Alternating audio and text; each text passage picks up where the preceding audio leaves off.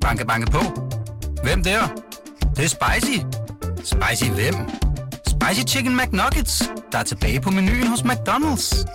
Badum, bom, tji.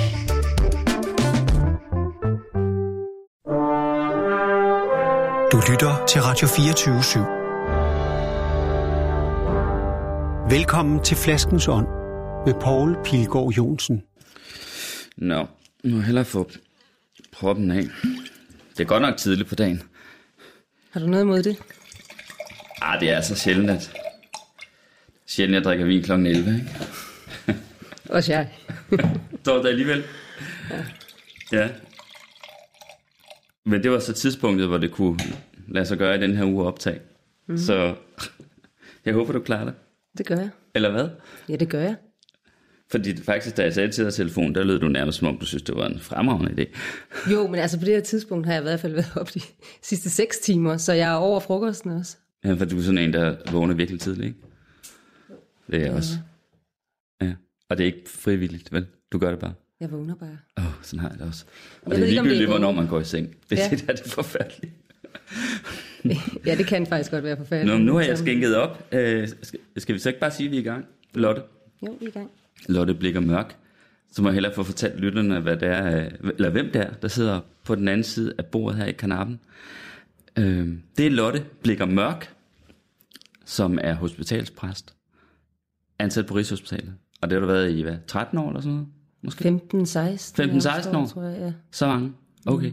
Og du er 46. Mm. Så fik vi lige alt formalia på plads, ikke? Øhm, jeg, jeg har gået og tænkt på, hvad... Hvis man sådan skulle lave sådan et slags øh, overskrift på, hvad vi skulle snakke om, altså, så kunne det have været noget i retning af sådan noget med, hvordan, hvordan kan man egentlig overhovedet nogensinde være glad, når man ved, at alting ender skidt, ikke? Alt ender håbløst, ikke? Så kan man selvfølgelig ty til det her, altså flasken, ikke? Mm. Det giver dog øh, en glemsel, for en stund i hvert fald, ikke? Men, men rigtig hjælper det jo ikke, måske, øh, måske tværtimod. Men det tænker vi for eksempel kunne snakke om, ikke? Mm. Mm. Og så glæder os over, at vi er blandt de endnu levende, ikke? Mm. Fordi du ser mange døende. Mm. Og meget alvorligt syge. Ja, det fylder faktisk ret meget i mine vågne timer, kan man sige. Jo, og så siger du, så kan man ty til flasken, hvis man synes, meningsløsheden fylder for meget. Men mange af dem, jeg taler med, de har jo ikke engang lyst til det, der er i den flaske. Det er jo det, der er problemet. Hvilket også vil være min store angst, den dag, hvor jeg ikke havde lyst til et godt glas vin. Ja. Så har man det rigtig dårligt. Eller lyst til noget som helst andet. Præcis. Præcis. Vin er jo bare et eksempel. Skål. Skål. Velkommen i flaskens hånd. Tak.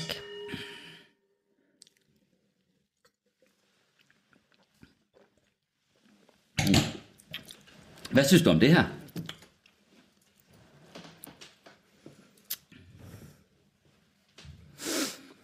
Den er lidt sur. Er den sur? Mm. Skarp. Den er tør, sur og skarp. Ja.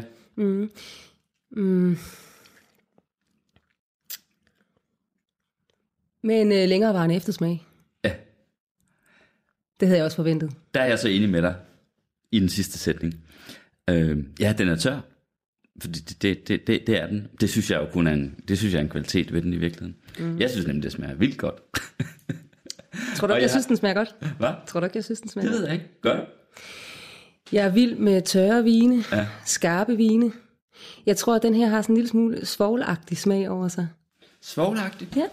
Prøv lige. Mm. Mm.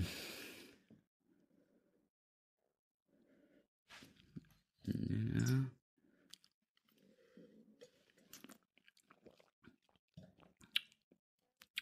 Den smager en lille smule champagneagtig. Ja, det er også kun en god ting, jo ikke? Mm. det, altså, fordi sagen er, at jeg har glædet mig rigtig meget til at smage den. Fordi det her vin, eller det her er en vin, der formelt set kun er sådan en uh, generisk Bourgogne. Det vil sige, det er alt det, der bliver tilbage, når man har når man har taget det, man må kalde første krye, eller grand krye, osv. osv., osv. Øh, village, øh, altså kommunevin, som man kalder det, så, så er der alt det andet, der ikke er noget, man så må sige. det, der ikke er noget, det må man bare kalde Bourgogne. Øh, og det er normalt, øh, vin er en meget sådan beskeden kvalitet. Og pris i øvrigt, ikke? Men den her, selvom det er bare en Bourgogne Blanc, den, den, øh, den hedder øh, Le Champlain faktisk. Den har, den, har, den har dog alligevel fået et, øh, et, et undernavn. Kommer fra en producent, der hedder Simon Bies i, øh, i Bourgogne. Og grund til, at jeg har glædet mig til at smage den, det er, at øh, da jeg talte med øh, Bichel Vine, mm. som importerer den her vin, så, fordi jeg taler om, at jeg vil købe, jeg vil have noget andet også, eller jeg vil have noget andet, og så, så skriver han til mig, du, du skal altså smage den der også, den er helt fantastisk. Og tænker jeg, okay, 2014, det er en kæmpe overgang for hvid Bourgogne. Ik- ikke så meget for rød, men for hvid Bourgogne. Og så har øh, det her hus, Simon Bies, det har et meget, meget, øh, altså det er sådan, det er en, en gemt skat. Fordi alting koster jo så meget nu om dagen, øh, når det kommer fra Bourgogne. Mm. Øh, så er der den her producent, der ligger i Savigny Bogen, som ikke er sådan et område, der har alt for meget. Øh, altså det er, ikke, det er ikke et af de sådan meget berømte og højt estimerede områder. Øh, så der, der, der er der nok altså begrænset for, hvor, hvad skal man sige, hvor fint man synes, det kan blive. Men rent faktisk, så er Simon Bies nok den, øh, eller den bedste producent der, øh, eller huset er, og, øh, og, og hvad skal man sige, måske det mest øh, underrated hus, man, øh, man kan finde i Bourgogne. I hvert fald et af de mest underrated. Og så fik jeg mig lige en snak der med, med Lars Bo fra Bichel om, hvordan er hvorledes det hele hang sammen, og fortæller mig så om, hvordan at den øh, Patrick Fies, øh, eller undskyld, Bies, Patrick Bies, øh, som overtog til huset fra sine øh, forældre, jeg tror familien har haft det siden 1880, han overtog i, 8, i 1988, og så døde han øh, pludselig og overraskende og for tidligt i 2013. Og så er det hans kone og hans søster, der fører det videre. Og nu kommer kluen. Det er, fordi det her hus er så gammelt og estimeret i Bourgogne, altså blandt de, der bor i Bourgogne, der kender til det, så havde de jo mange sådan venner og bekendte, som er nogle af de der virkelig dygtige vinmager fra de meget berømte og meget højt estimerede huse. Og de har ligesom hjulpet den her enke, og så den afdødes søster, mm. øh, da de nu skulle videreføre det her hus. Så måske er den her vin, ligesom alle de andre fra Simon Bies i dag, faktisk lavet af nogle af de ypperste vinmager, der overhovedet findes i Bourgogne, fordi de kommer og hjælper frivilligt, ikke? selvom de ikke har ansvaret for det. Hvor er det skønt at se, hvad fællesskabet det kan gøre. Det er da det. Mm. Altså, det, det er jo en meget god historie også. Øhm, nå. Og så fik jeg den, tænkte den skulle du have, Lotte Blikker Mørk. Tak. Ja. Og Nå. den er virkelig anderledes. Om det er godt. Jeg går ikke så meget op i, hvorfor, hvordan og hvorledes. Jeg går op i, om jeg kan lide det eller ej. Den er anderledes, det kan jeg godt lide. Den er i hvert fald meget tydelig i sin smag. Distinkt, kunne man kalde det. Skål, nu tager vi, vi tager en slurk. Ja, Ja. skål.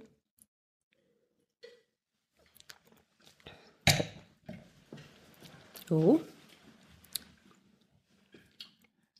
Jeg har læst en gang en, øh, du udgav en bog for nogle år siden. Mm. Og jeg tror, det var et uddrag af den bog, som jeg kan huske, jeg læste. Mm. Øh, en historie, men jeg kan den ikke rigtig i hovedet, så jeg tænker, om du vil genfortælle den. Øh, men det handler om en ung mand, der lå døende af, af cancer. Men han lå på en af de øverste etager på Rigshospitalet, Ah, hvor du arbejder. Jeg på ikke, hvor 16. mange, hvor, på 16. hvor mange etager er der? 16. Der er 16, så han lå simpelthen på øverste etage. Mm. Øh, og det var lige før han døde, ikke? Mm. Øhm, og den historie kan jeg huske, gjorde meget stort indtryk på mig, så jeg tænker, om du ville fortælle den igen mm. til mig. Ja, det kan du tro, jeg vil, fordi den øh, gør stadigvæk meget indtryk på mig. Mm.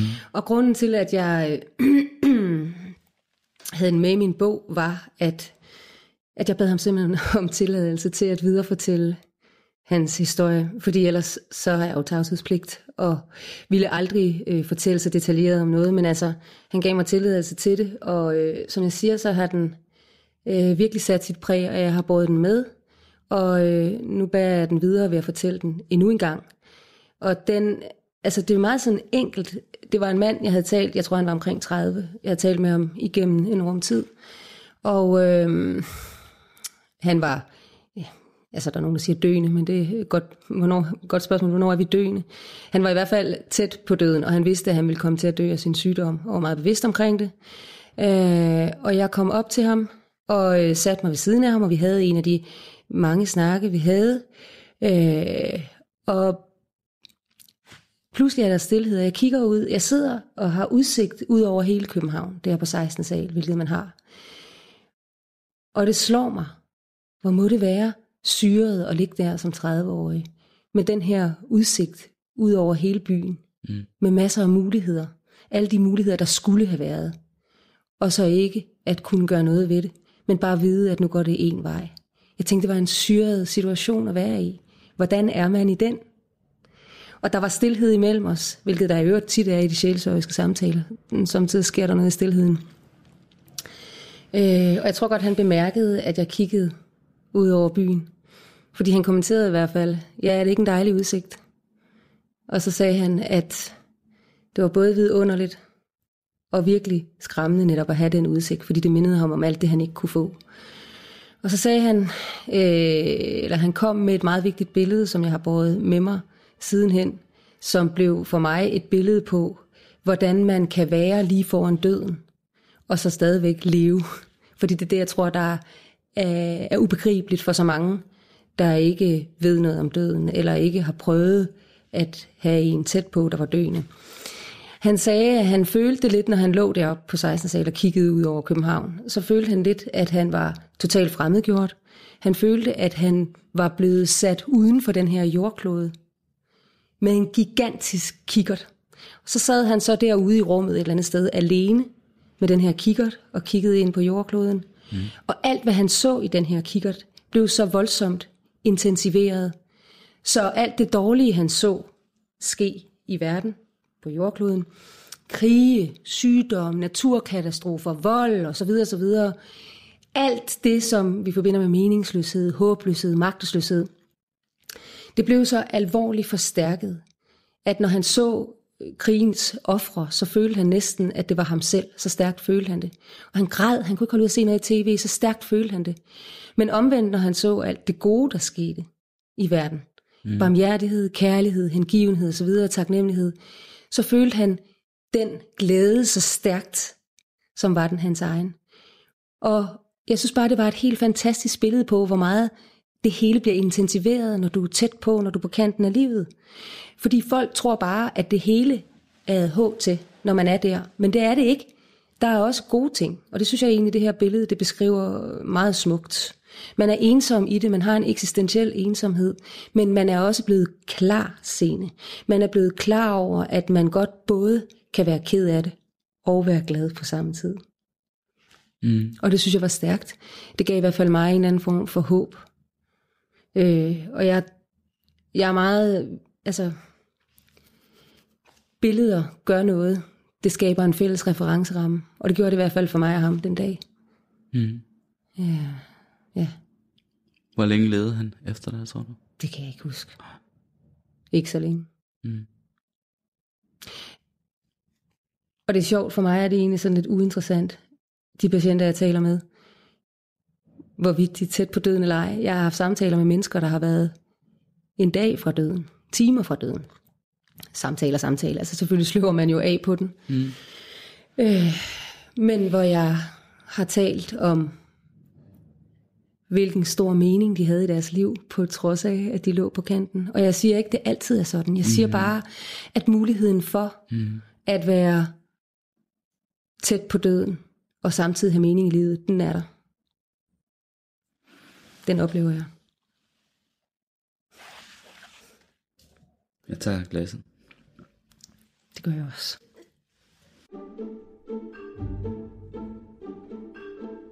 Det er nok sådan et rigtig, øh, jeg vil lige kalde det journalistspørgsmål. Det er sådan nogle spørgsmål, som jeg selv synes er sådan lidt dumme. Fordi de er for forsimplende på en eller anden måde. Ikke? Nu stiller jeg det lige alligevel. Altså, hvor mange af de døende, du taler med og på, på Rigshospitalet, altså hvor mange vil du, vil du karakterisere som afklaret med deres situation? Altså, med afklaret, der, nu skal jeg prøve at gøre det lidt mindre dumt, ikke? eller for simpelt, men med afklaret, der mener jeg med nogen, der har forsonet sig med deres skæbne, som ikke kæmper imod. Jeg har sådan lyst til at sige ingen. Mm. Øh, og det passer ikke. Jeg har mødt mennesker, der var så afklaret og så forsonet, fordi de ikke kunne holde livet ud mere. Og det betyder jo ikke, at man ikke øh, kan holde livet ud, eller at man ikke elsker livet. Det betyder bare, at man ikke kan holde livet ud på den her måde, med al den lidelse og al den smerte. Men det er en helt anden historie. Men når jeg har lyst til at sige nærmest aldrig, så er det fordi, at langt de fleste mennesker, jeg taler med, kan være utrolig afklaret, som vi nu kalder det. De kan være øh, accepterende, de kan være meget realistiske, de kan endda føle, at de har forsonet sig med at skulle herfra. Og, og dem møder jeg vidderligt også. Og det er man bare ikke hele tiden. Jeg tror virkelig, at vi svinger så meget. Mm. Ofte møder jeg jo mennesker en eneste gang. Mm. Ofte har jeg kun én samtale. Men selv i den samtale ville det kunne svinge. Også fordi når jeg kommer som præst, det er klart, så kan man tale med mig om nogle ting, man måske ikke kan tale med sin kæreste om, eller med sine børn om, eller med sin og så videre. Fordi det gør for ondt, ganske enkelt. Men jeg tror, hvis vi elsker vores liv, hvis vi har mennesker, som vi elsker, så tror jeg sgu aldrig rigtigt, vi bliver, at vi forsoner os med at skulle herfra. Og jeg tænker, at det er bare et menneskeligt vilkår, at det er sådan, det er. Det er ok. Øh, og, og jeg anerkender, at der er nogen, der siger, at de er fuldstændig forsonet med det. Men det kommer også an på, hvordan du taler om forsoning. Fordi i min optik ligger der også et eller andet øh, hengivelse i forsoningen hengivelse til, at det er den her vej, det går, om end jeg ikke ønsker det den her vej. Altså, lad mit bære gå mig forbi, hvis det er din vilje. Mm. Øh, men jeg tror, vi taler om som forsoning, som der står skrevet. Ja. Så måske øh, handler det også om, hvordan vi tænker forsoning. Mm. Men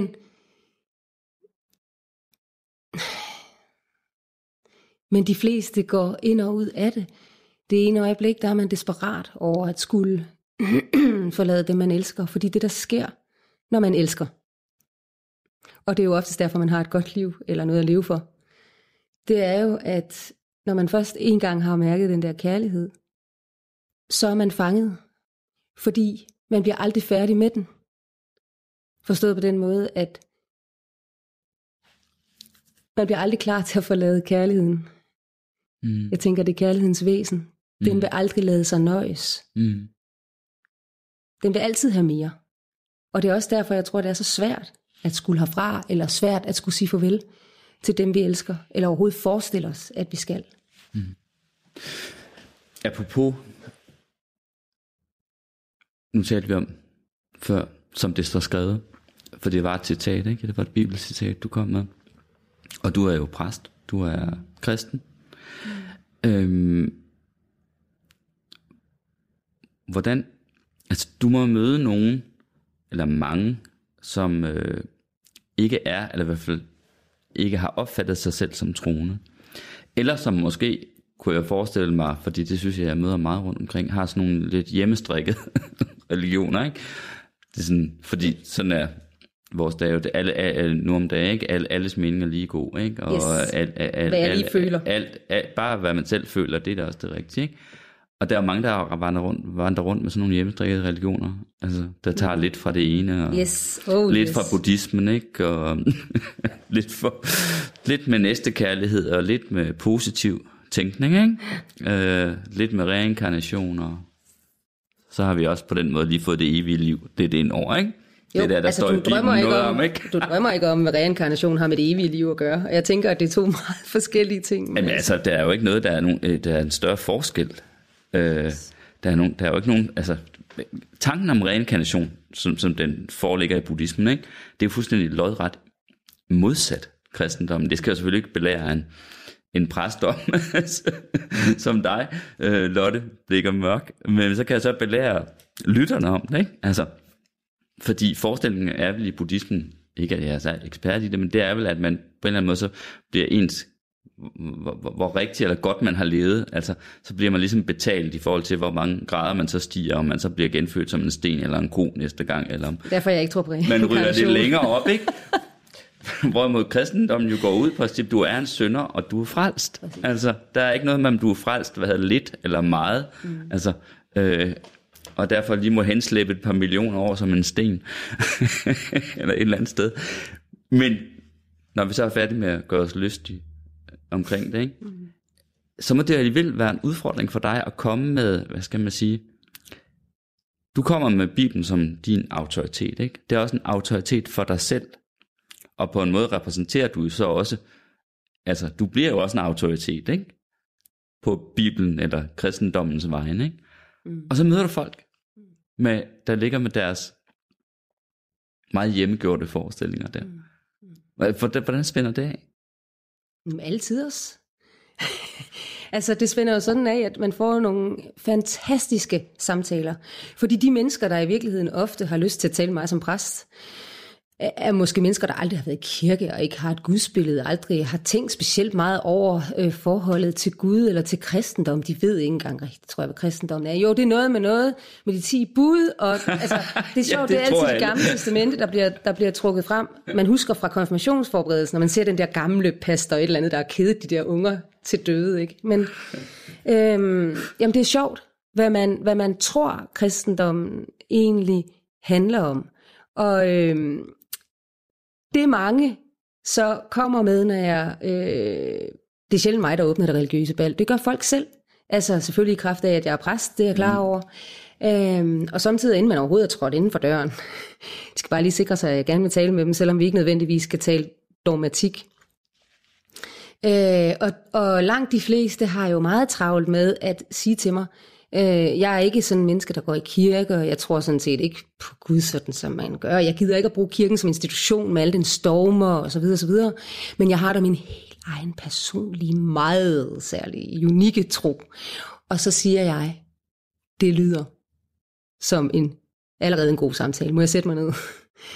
Og så øh, kommer der jo rigtig nok, som du siger, et meget hjemmestrikket, det var vist det ord, du brugte, mm. et meget hjemmestrikket gudsbillede frem, der selvfølgelig handler om, at man tager lidt fra kristendom, det man lige synes passer til en selv, og du nævner selv næstekærlighed. Altså hvis ikke man kan gå ind for næstekærlighed, tror jeg, man skal kigge sig selv i spejlet. Og det med det evige liv, er der rigtig mange på Rigshospitalet, der er beskæftiget med. Men det der med dom og synd, det har ikke noget med mig at gøre. Der er ikke nogen, der skal komme her og pege fingre af mig her i 2019. Øh, og så samtidig blandet sammen med, nu siger du selv reinkarnation, det kunne være andre fra Østens øh, øh, mystik og så videre, og øh, psykologien, hvad øh, kan jeg selv gøre ved at tænke positivt, filosofier og så videre og så videre. Og det bliver sådan et stort samsurium. Og det har jeg al respekt for. Det må folk skulle selv ligge og rode med. Øh, problemet er bare, at når det er, at jeg er blevet tilkaldt til sådan en samtale, så handler det nemlig ofte om sådan noget med skyld og skyldfølelse og skam og sådan, eller hvorfor har jeg fået den her sygdom? Hvad er meningen med det her? Det er da vildt uretfærdigt, og øh, nu har jeg jo det her dejlige sammenstrikkede gudsbillede, som har holdt hele mit liv. Ja, men hele dit liv har du også haft medvind. Nu har du modvind. Så nu hjælper dit eget hjemmelavede gudsbillede ikke. Det er jo det, der er gået i stykker, og det er derfor, jeg er tilkaldt.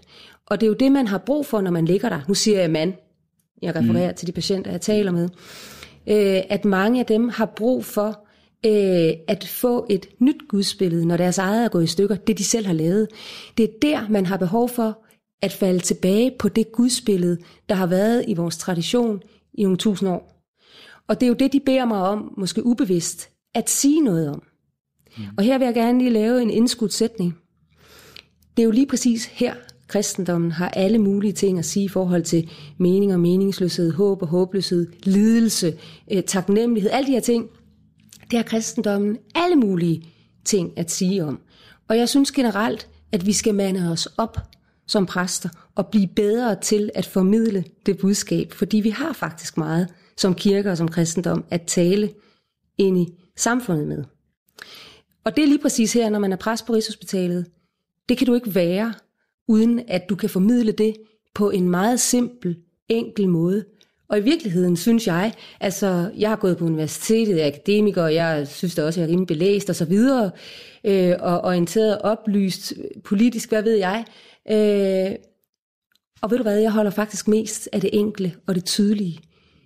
Når man ikke bruger øh, 80 sætninger for at sige én ting, så det går jeg meget op i på Rigshospitalet, fordi folk har ikke kræfter og de er et sted, hvor de ikke har ro eller øh, tålmodighed eller kapacitet til at høre om store dogmatiske, ja, Gud elsker dig, fordi en gang der døde hans søn på kors osv. Det vil jeg da skide på. Jeg ligger og skal dø nu. Hvad skal jeg bruge Gud til? Hvor er han? Så, så det bliver meget konkret, og det kan jeg enormt godt lide. Hvad siger du så?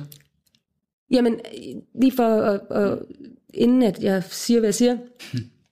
øh, for mig har det været meget nødvendigt at lad det budskab gå igennem mit eget hjerte. Fordi hvis ikke jeg tror på det, jeg siger, så kan den, jeg sidder overfor, heller ikke tro på det. Og jeg mener virkelig fra bunden af mit hjerte, at jeg har en opgave. Jeg har da en mission på Rigshospitalet.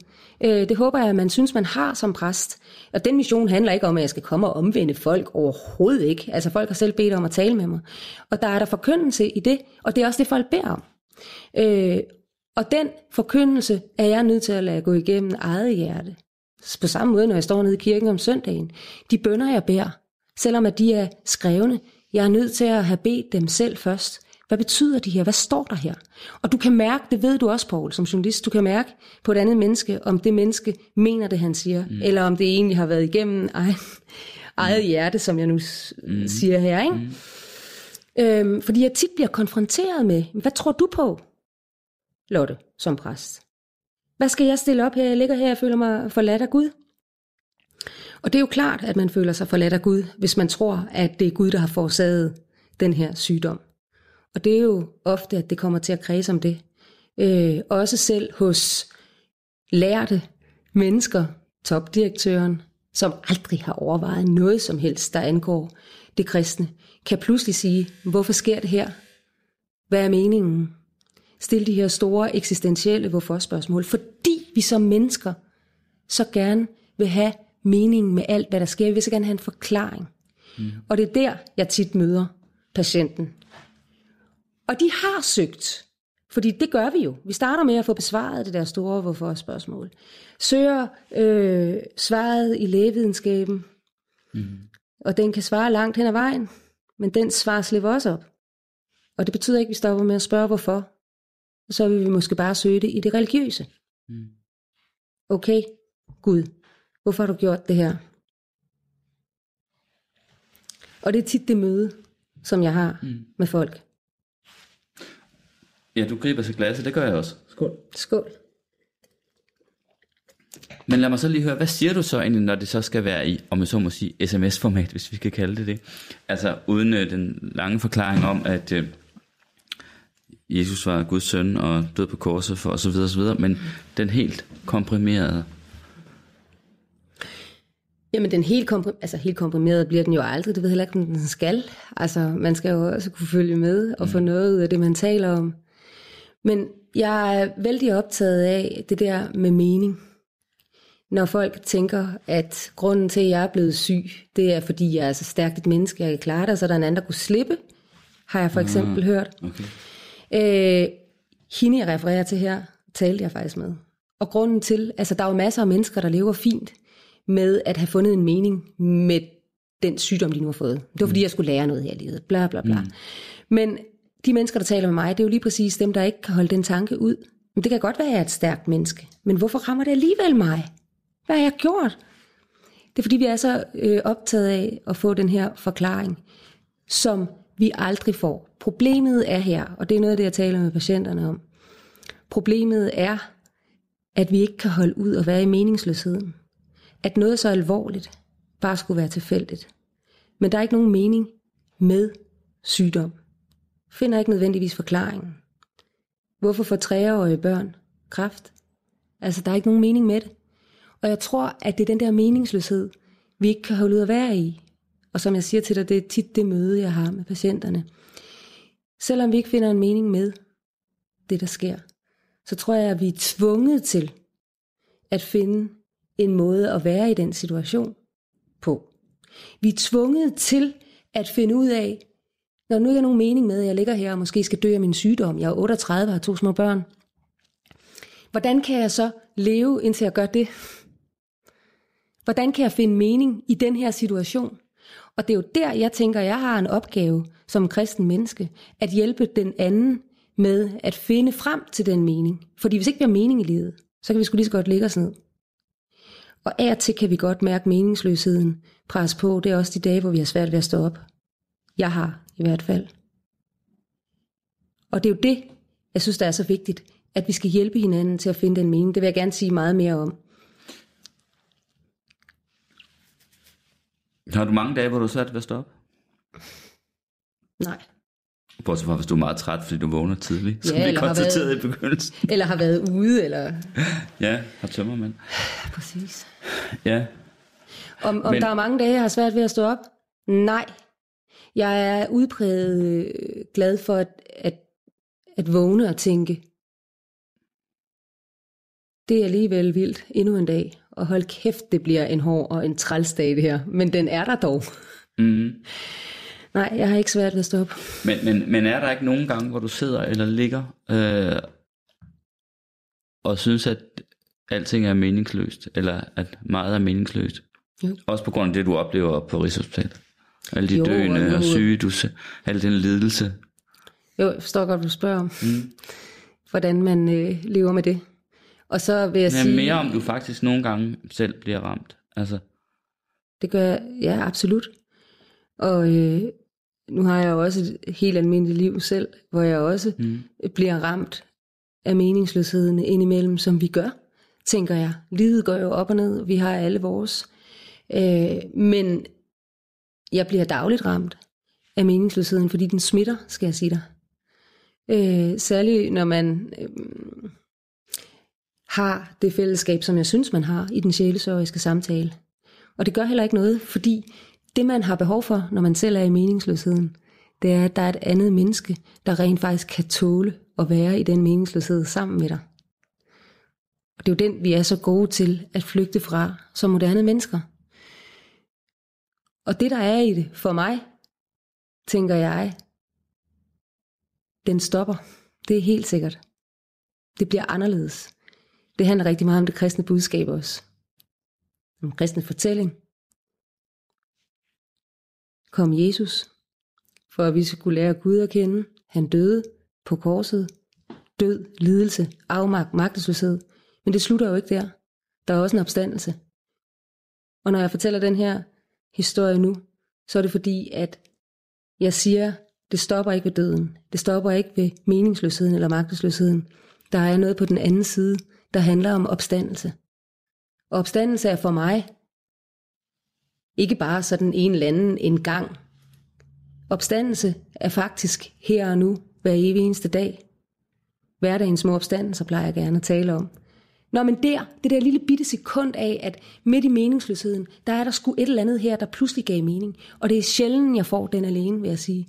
Det er oftest i relation med et andet menneske, mm. der kan frembringe den, det lille glimt af mening, eller lille glimt af, af håb, lille glimt af glæde. Og det er jo dem, vi lever af jo, Paul. Ikke? Altså, det, er jo dem, det er dem, vi er så afhængige af. Og det er dem, der gør, at vi kan klare at ligge lidt i meningsløsheden. Det vi ikke må i det her moderne samfund. Vi må ikke ligge ned. Men ja, så meningsløshed fylder der en hel del i mit liv. Det tror jeg sådan set altid, det har gjort. Men den, der ligger af døende, øh, altså du ved jo om, at så må sige, der er en dag i morgen, ikke? Eller, ja, det ved du jo faktisk ikke. Det regner jeg sådan set med. Men du regner med det, ikke? Ja. Men den, Jeg har i hvert fald en, en lang den plan i døende morgen. regner jo ikke nødvendigvis med det, vel? Der er en dag i morgen. Så du tænker, at det er sværere for den døende? Ja, det ved jeg ikke, jeg spørger. Jamen. Altså, kan jeg fortælle dig, at det er det ikke nødvendigvis. Mm. Nu prøver jeg ikke på at sige, at det ikke er anderledes at være døende, for det er det. Alt er anderledes. Det jeg prøver på at sige, det er, at, at man må forstå, at det at være alvorligt syg og være tæt på døden, ikke er lige med, at man ikke har noget indhold i livet, ikke er lige med, at man ikke kan føle lykke, ikke er lige med, at man ikke kan håbe. Altså i sygdoms, eller i, i hvad hedder det, sundhedssystemet, der hedder det jo, i gamle dage, der man kunne læse i journaler, jeg har aldrig hverken læst eller skrevet journaler, for det skal præsten holde sig ude, ude af, mm. af flere årsager. Men øh, jeg har set et fuldstændig vanvittigt udtryk, der hedder, patienten er sygdomsneglekt. Neglect, altså en, der ignorerer sin sygdom. Præcis. Mm. Hvor der blev talt om, ej, han er slet ikke klar over, hvor alvorligt det var. Gud, var han da det? Han kunne sgu da bare ikke holde ud og tale om den der død hele tiden. Nej. Fordi hvis du skal leve, og det er jo det, vi øh, drømmer om vel, at leve til den dag, vi dør, det er derfor, vi alle sammen taler om, at vi gerne vil have en tagsten i hovedet, så er det slut, eller få et hjertestop. Jeg ved sgu ikke, om det er det, jeg foretrækker. Det er også en anden snak. Men hvis man skal leve, til man dør, så er man simpelthen også nødt til at tro på, at det, kan, at det er okay at købe det der skræddersyde jakkesæt. Det var et konkret eksempel, jeg havde med, jeg talte med en, med en øh, yngre øh, mand på Rigshospitalet, som også var tæt på, og så skulle han øh, så skulle han på sådan et rekreationsophold et andet sted, fordi han skulle tage lidt på og så videre. Men han kom faktisk hurtigt tilbage til Rigshospitalet. Så kom jeg op til ham. Så jeg, det var hurtigt, du var, du var tilbage. Så sagde han, ja, det er så dejligt at være hjemme. Jeg har aldrig hørt nogen tale om Rigshospitalet som hjem. Men han sagde, at han, han kunne simpelthen ikke holde ud og være der, hvor han var, fordi man var meget fokuseret på, åh, nu skal vi alle sammen tale om, at skal dø. Og han var bare optaget af at få købt det der skræddersyde jakkesæt. Ja. Og alle, alle var sådan, ej, det kan jo slet ikke spare sig. Men han havde det sådan, hvis jeg skal forestille at leve lidt nu, så er jeg nødt til at gøre det der. Mm-hmm. Vi har en eller anden forestilling om, at lykke for eksempel hænger sammen med godt helbred, sociale relationer, at kunne øh, dyrke motion osv., hvad lykkeforskning nu end frembringer. Lykkeforskning. Nå. Ja, undskyld, det var bare min egen aversion, har der stak sit hoved frem. Også min, også min Ej, det er ikke noget mere idiotisk end den, der snak om lykke. Nej, fordi hvis vi Forskning. gør det, altså, altså, Eller den måde lykkeforskningen taler om det på, ikke? jo, fordi så er de dårlige stillede, Selvfølgelig har man det bedre, hvis det er sådan, at man øh, kan få smør på brødet, ikke? Øh, og føler, at man har et job, man kan bestride. Øh, og, Eller hvis, du kan, hvis- eller hvis du kan indtage din hjemmelavede mad på din, på din terrasse, det er også et af Ja, punkterne. præcis. Faktorer, der kan gøre dig lykkelig. Jo. jo, men det stiller jo bare patienterne i, i en virkelig dårlig situation, hvis det er det. Ja, for de, hvis det er definitionen på lykke, så kan de i hvert fald ikke leve op til den, vel? Præcis. Og det er et problem, synes jeg. Men det er sjovt, du siger det. Det der med, hvad var det udtrykket var? Vedkommende patient var sygdomsneglect, Ja. som det stod i journalen, ikke? Det er noget, jeg faktisk tænker tit på, fordi i dag er det jo, altså, du kan vel ikke finde nogen læger eller instanser, myndigheder, terapeuter, rådgivere, hvad ved jeg, hele det der behandlersystem, der ikke synes, at man skal fortælle patienten sandheden, og helst hurtigst muligt, ikke? Og, og så videre. Og der kan jeg bare nogle gange komme til at tænke på, om det i virkeligheden er så godt. Altså, Det er sjovt. om den gamle, ja, i gamle dage, du ved, altså, det, så, ja, gamle her, et eller andet, der så blev indlagt, fordi nej, men det var, fik jeg at vide, at nej, han havde bare en byld, øh, han havde en byld i tyktarmen, ikke, som, så skulle han være på sygehusliste, og lægerne vidste jo godt, at han havde sikkert en terminal cancer i tyktarmen, ikke? og det ville han også dø af, men måske var det bedre, at han bare kunne få lov at ligge der og håbe på og tro på, at, øh, at han kom hjem igen. Præcis. I stedet for, for at vide, at, øh, at øh, du kommer altså til at dø her, fordi du har en uhelbredelig cancer i tyktarmen. Ikke? Det er meget interessant, fordi at, at sådan var det tidligere, og hvad er tidligere, men altså sådan var det tidligere, at der hang man også håbet op på overlevelsesmuligheder.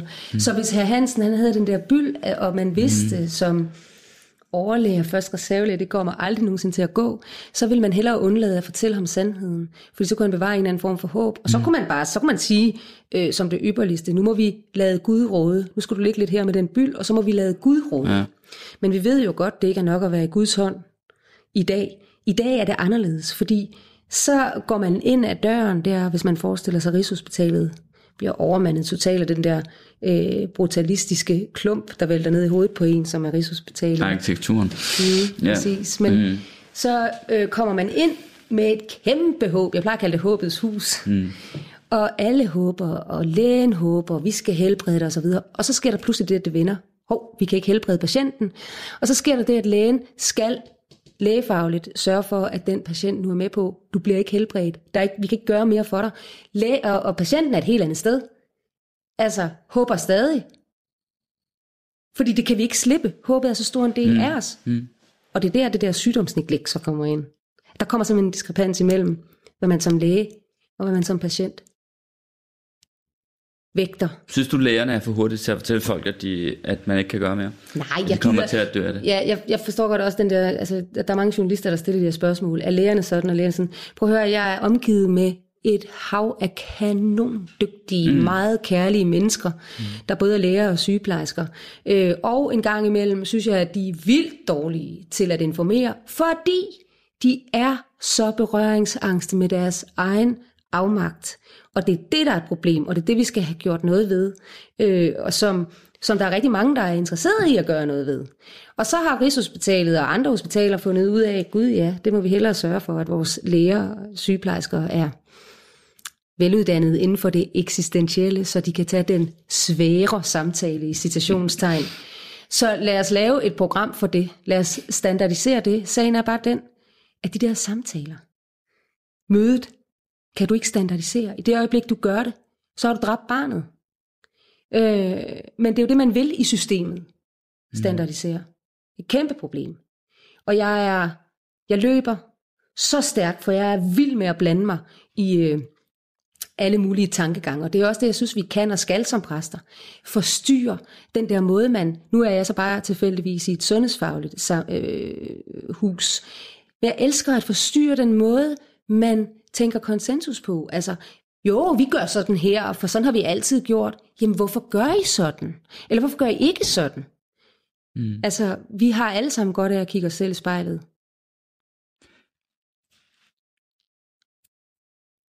Men nogle gange må du jo, altså, det forestiller jeg mig bare nu, jeg kender rent faktisk mange troende læger. Øh, det gør jeg også.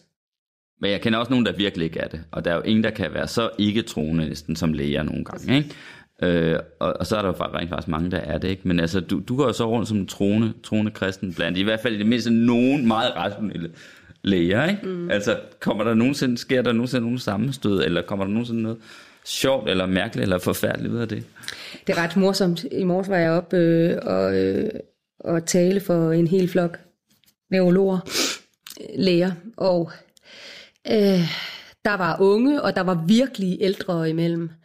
Og øh, jeg kommer med mange af de pointer, som jeg også til del springer frem her, men altså taler om mening og mangel på samme, og taler om sammensat form for religiøsitet, og, øhm, og hvordan det moderne samfund har svært ved at forholde sig til magtesløsheden og til fiaskoen og alt det her, fordi det smitter jo også af på et hospital, det er jo bare en intensiveret form.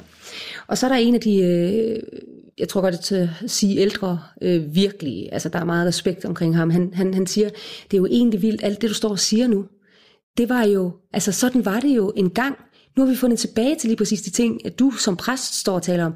Altså, da jeg var på, for, for 20 år siden på Rigshospitalet, der var virkelig stor berøringsangst i forhold til at bruge præster, i forhold til at tale om det her med det eksistentielle, for det her var jo et højt videnskabeligt hus. Times are changing. Altså, nu er vi meget mere åbne. Altså, han har jo set den her udvikling. Mm. Vi er meget mere åbne. Og jeg må, jeg må sige, jeg møder stort set kun åbne arme, det må jeg sige. Og, og, og velvilje af lærerne. Mm. Velvilje. Jeg får opfordringer. Øh, skal vi øh, lave noget samarbejde? Skal vi skrive noget sammen? Skal vi øh, undervise sammen? Jeg har gang i alle mulige projekter, fordi jeg synes, det er sådan vigtigt med det tværfaglige samarbejde. Jeg er en del af, jeg er del af, af det palliative team. Mm. Palliation betyder lindring mm. øh, på Rigshospitalet. Det er så naturligt, at jeg tager samtalen sammen med lægen, eller sammen med sygeplejersken, eller sammen med socialrådgiveren. Det der med, at man har fokus på andet end den fysiske smerte, men at der også er en gigantisk lidelse, psykisk, eksistentielt, socialt, når man er alvorligt syg. Og det er sgu gået op for lægerne. Jeg synes, ærligt, jeg synes, at øh, det kan sgu også tage lidt overhånd, og det er øh, også min egen branche. Over, Jamen, ja, det kan tage overhånd, at vi beskylder lægerne og sygeplejerskerne mm. for ikke at kunne en skid. Fordi hvad er det også, de skal kunne? Jeg taler faktisk mange patienter om, at de ikke er interesserede i, at deres læge blander sig i deres privatliv, eller at deres læge øh, spørger, Nå, med hovedet på skrue, hvordan har du det? Mm. Det er karikeret, men mm. så, så hvor er det, vi har det derfra? Altså, det er sgu da dejlige mennesker, der er læger eller sygeplejersker, og så er der en masse idioter imellem. Det er der sgu også med præster og journalister. Jeg mener... Garanteret. Sådan er, ja, skål. Skål. Også for dem.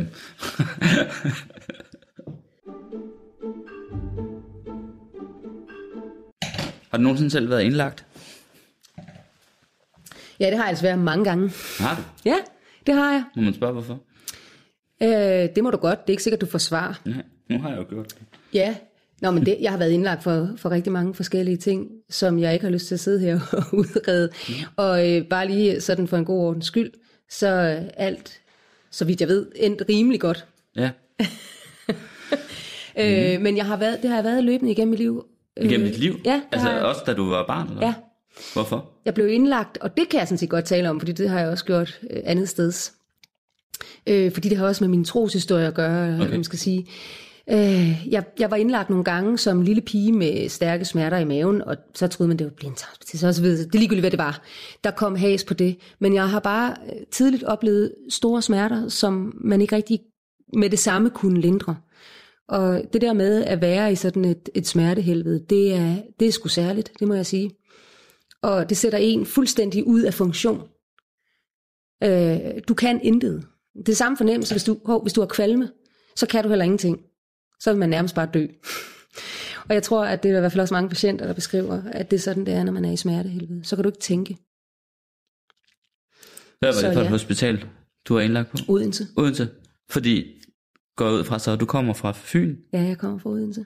Fra Odense? Ja. Ja. Jeg er født og opvokset i Odense, og mine forældre er sådan set fra Sjælland, men de flyttede over på grund af, at min far havde fået et arbejde. Hvad var det for? Han blev eksportchef, tror jeg. Ej, hvor det egentlig lyder gammeldags, når jeg siger det sådan. For, øh, for et, et, et, et firma på Fyn. Så de flyttede over, og så kom jeg til verden ret kort tid efter. Og øh, ja, så, så hele vores familie har boet på Sjælland. Og vi er kommet der rigtig meget. Jeg elskede Storbæltsfærgen. Mm. Der kunne man få en helt særlig form for frikadelle. Det var sådan en klump, der vejede Som 4 den, kilo. den, den lille Lotte ja, præcis. Blikker Mørk, det hed du vel også dengang? Eller hvad? Nej, nej. Det gjorde du ikke? Nej, jeg hedder Lotte Mørk. Okay, Blikker, Det har jeg giftet mig til. det har du giftet dig til. Ja, fordi jeg synes, det var så pænt et navn. Du har en mand simpelthen. Jeg har en mand, der hedder Blikker, som er direkte. Efterkommer efter Sten Stensen. Yes. Er det rigtigt? Ja. Ja. Og det var... Det, det, synes jeg faktisk er noget. Det er der helt klart noget. Men det er, et- det er et flot Blikker navn. salmer, det er, de, de er fantastiske. Men, men ja, nej, der, dengang der Nå, hed jeg bare men- Lotte Mørk. Ja, okay. Men der lå du så som en, en... Hvor gammel har du været der, tror du? Det ved jeg sgu ikke. 8 eller sådan noget. 8. Med stærke smerter. Men hvorfor har det, du sagde før, at det havde haft en betydning for dit trosliv? Nå, jamen det er fordi, og grunden til, at jeg også sådan set fortæller historien og brugt den i andre sammenhæng, det er fordi, der blev jeg bare så den første gang konfronteret med afmagt i en, en grad, som man bare slet ikke kan mene noget om, men bare være i. Og på en eller anden måde i den der afmagt, i de der smerter, kan jeg huske, at jeg som en lille pige tænkte, man kan godt leve, selvom man har så ondt her. Og det er det, jeg, altså det er udspringet til, at i afmagten er der masser af livsmod. Øh, og det tror jeg måske også har været grundlæggende for den vej, jeg har valgt i livet. Altså, og det var der omkring, at jeg tænkte, jeg tror, jeg skal være præst. Gjorde du det? Jeg tænkte i hvert fald, da jeg lå som lille pige, så tænkte jeg, kan vide, hvorfor jeg har de her smerter. Kan vide, om det er, fordi jeg ikke har bedt til Gud. Nå, men som, det er jo en meget barnlig måde at tænke. Ja. Øh, og så tænkte jeg, øh, handlekraftig, som jeg sådan set, tror jeg, stort set hele mit liv har været, så tænkte jeg, det er bare at gå i gang. Jeg folder hænderne nu. Det er Ja. bare at gå i gang. Men, men prøv at høre, det er, jo, det er jo faktisk meget interessant i det, fordi der kan, meget, der, der kan jo være to forklaringer på det. For enten så kan man se den her lille pige for sig, der ligger og tænker, har jeg mundt ondt, så ondt, fordi jeg ikke har bedt til Gud? Ikke? Mm. Altså, det kan jo læses sådan, at øh, den her lille pige er bange for, at hun som en straf for ikke at have bedt, bliver ramt af smerten. Ikke? Mm. Og den anden mulighed er jo, at øh, jamen, grunden til, at, øh, eller at det at bede vil gøre smerten lettere at holde ud. Det er to forskellige ting. Ikke? Eller tænk, Om- hvis den helt gik væk. om det enten er, altså fordi mange, der ikke er så, så kyndige i kristendom, de tror jo, at det, at det går ud på, at man lige præcis, at det går ondt, fordi man ikke har bedt sine bønder, ikke? Altså, at man Præcis, får en eller straf. gjort andre ting her i fordi, livet. Ja, præcis, eller gjort noget forkert, så får man en straf for det, ikke? Øhm, men, men, øh, men man kan sige, den anden, den anden mulighed, nemlig at det er, at du ikke endnu havde opdaget bøndens lindrende virkning, ikke? Eller havde Dens pille, hvad skal ja, man den, sige? Ja, men den oplevede jeg jo så ved netop Den- at begynde at ja, bede. ja, Og, og, og jeg sidder faktisk og tænker nu, så tænker jeg, det er sjovt, vi skal tale om det nu her, men, men øh, jeg kan faktisk, altså der er simpelthen nogle paralleller til de samtaler, jeg har med mennesker på Rigshospitalet, som jo er voksne mennesker, og nu siger jeg nok, at det er et barnligt billede. Jeg ligger der som otte år, jeg tænker tanker, mm. og det er nok, fordi jeg ikke har bedt og sådan. Men det er jo, og, og det er med direkte øh, reference til det, jeg sagde før om mennesker, der kæmper med ikke at kunne finde mening, og, og er det Guds straf det her, og hvad er det, der mm. sker, og så videre. Øhm, og det, øh, jeg har bare lige lyst til at sige lidt om det her med Guds dom. Mm. Fordi det har faktisk en kæmpe stor betydning. Også da jeg lå der som lille pige, jeg tænkte, var det Guds straf, eller hvad er det, Ja. altså, mm. Hvad er det, jeg har gjort forkert? Mm. Fordi vi også tit vender den indad og tager skylden på os. Og sådan tænker mange af mine patienter også. Øh, er det fordi, jeg ikke har dykket nok motion? Er det fordi, jeg har gået med for mange mænd, damer? Er det fordi, og så videre, og så videre, drukket for meget? Alle de der ting. Og en gang imellem, så tænker jeg, det er fordi folk ikke kan holde ud at være med Guds dom. Fordi hver gang vi taler om Guds dom, så tror de, at jeg løfter pegefingeren. Folk kan slet ikke holde ud at tale om dom. Der er ingen, der skal dømme mig. Men det, der er så vidunderligt, det er at få lov til at udfolde, hvad Guds dom egentlig betyder. Det er godt, det er Gud, der skal dømme i sidste ende. At jeg ikke skal dømme mig selv, eller jeg ikke skal dømme dig, fordi så vil dommen være ubærlig hård. Fordi vi kan ikke se igennem fingre. Der er ting, vi ikke kan tilgive hinanden for med rette, fordi vi bare er mennesker. Gud er Og der er ting, man ikke kan tilgive sig selv. Og der er Så. i den grad ting, man, man man ikke sige. kan tilgive sig selv. Mm. Aller værst måske. Mm. Og det er her, vi skal have Gud på banen. Fordi han er den eneste, der vil kunne tilgive. Fordi Gud er den eneste, der kan se igennem alt det møg, du også indeholder som menneske. Det ligger i det at være uperfekt, fordi det er det, vi er som mm. mennesker. Det er synden, jeg taler om. Gud er den eneste, der kan se igennem alt det og se det gode, du også indeholder. Det kan vi ikke forlange af os selv. Og den tror jeg er super vigtig i forhold til at tænke mening, eller at tænke, hvad jeg har gjort, tænke straf, så videre, så videre. Også fordi vi lever i et samfund og en tid, hvor vi er så optaget af at tage alt ansvar på os. Jamen, hvis jeg har det dårligt, så skulle også bare min egen skyld, så må jeg bare lige mande mig op. Helt ærligt. Altså, hvis ens nærmeste er død syg, hvordan skal man mande sig op? Men det er bare ikke lovligt at ligge ned. Mm. Og det vilde er, at kommer alle sammen til at stå der. Vi bliver alle sammen afmægtige på et eller andet tidspunkt, om ikke andet, når vi bliver syge og når vi skal dø. Så vi kommer alle sammen til at være i afmagten. Og det er det fællesskab, vi trænger til. Vi trænger til, at et andet menneske kan tåle at stå i afmagten eller i meningsløsheden.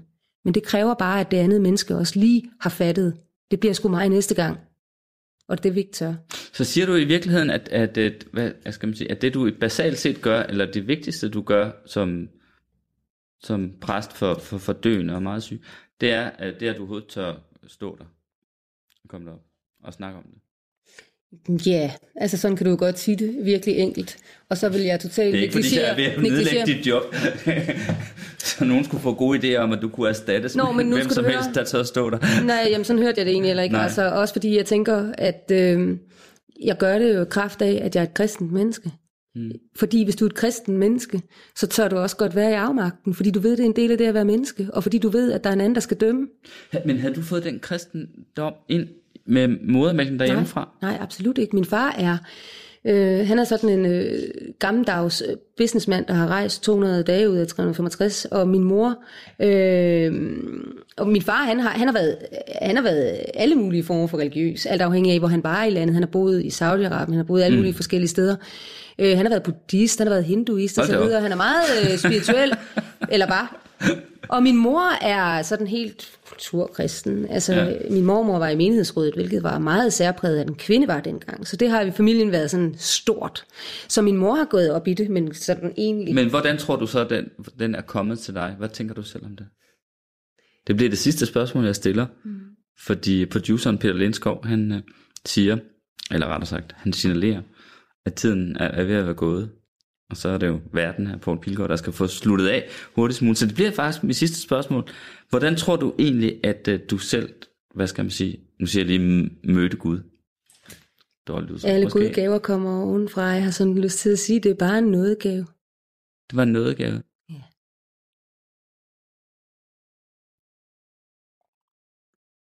Mm. Og det er værd at takke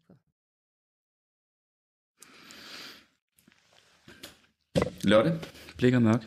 Så, nu er det forbi. Skal vi lad os lige få sandheden på bordet her, før vi slutter helt, ikke? Du var egentlig ikke særlig vild med den vin, vel? Nej, ikke først, men nu er det nu på. Er det rigtigt? Ja. Jeg synes, det er en god historie. Jeg kan Ja. godt lide det der med, at det er kvinderne, der overtog den. Men, du, mm. men, men, men, fakt, men du, Nej, du, men nå, du men nu forsøgte kan at jeg- skjule lidt, men du kunne faktisk ikke lide den. Jo, men jeg kan bare ikke så... Altså, Jeg kan virkelig godt lide den. Nu kan, jeg, nu kan jeg rigtig godt, nu er den meget bedre, og nu kan jeg smage øh, tørheden og skarpheden uden den der sådan bismag af... Okay. Svår. Ja, Helvede Undskyld. undskyld. Banke, banke på. Hvem der? Det, det er spicy. Spicy hvem? Spicy Chicken McNuggets, der er tilbage på menuen hos McDonald's. Badum, bom, tji.